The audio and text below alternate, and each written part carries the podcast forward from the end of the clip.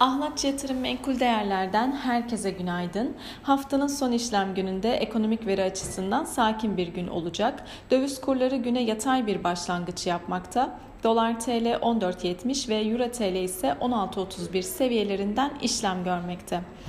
Küresel piyasalara baktığımızda Fed'in sıkılaşma hamlesine rağmen Amerika ekonomisinin faiz artışı için yeterince güçlü olduğu mesajını vermesi hisse senedi piyasalarında rally yarattı.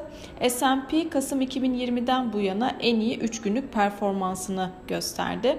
Vadeli tarafa baktığımızda rally'nin 3 günle sınırlı kalabileceğini işaret etmekte ve negatif seyirde olduğunu söyleyebiliriz.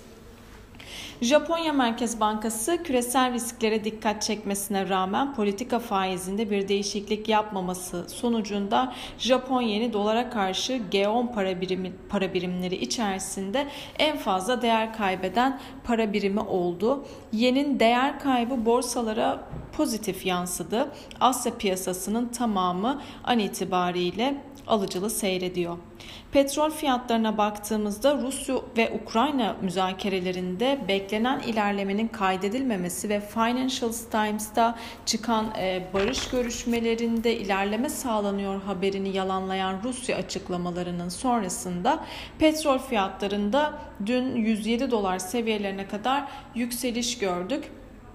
Ee, bugün itibariyle yukarıda özellikle 109 ve 110 dolar seviyeleri direnç olarak takip edilebilir. Taraflardan gelecek olası pozitif haberler sonrasında ise aşağıda 105 dolar seviyesi destek olarak takip edilebilir. Ons altın tarafına baktığımızda kritik olarak gördüğümüz 1932 dolar seviyesinin üzerinde 1933 dolardan işlem görmekte. Bu seviyenin üzerinde kalıcılık olduğu takdirde yukarı potansiyeli bir miktar mevcut.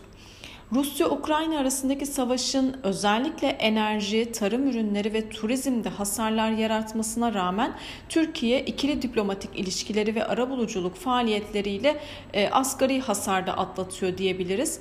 MSCI Türkiye yılbaşından bu yana %7 değer artışıyla gelişmekte olan ülkeleri %14 geride bırakmış durumda. Buna rağmen dün Türkiye Cumhuriyet Merkez Bankası tarafından açıklanan haftalık para ve banka istatistiklerine baktığımızda yabancılar Türkiye varlıklarında satış eğilimini sürdürüyor.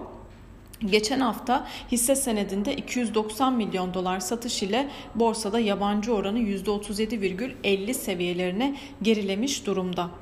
Borsa İstanbul tarafına baktığımızda dün özellikle demir çelik otomotiv hisseleri öncülüğünde güçlü seyrini koruyarak günü %2'ye %2 değer kazancıyla 2130 3 puandan tamamladı.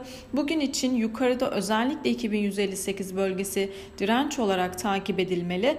Bu seviye üzerinde kalıcılık olduğu takdirde 2200 seviyeleri gündeme gelebilir. Olası geri çekilmelerde 2100 ve 2065 seviyeleri ise destek olarak takip edilebilir.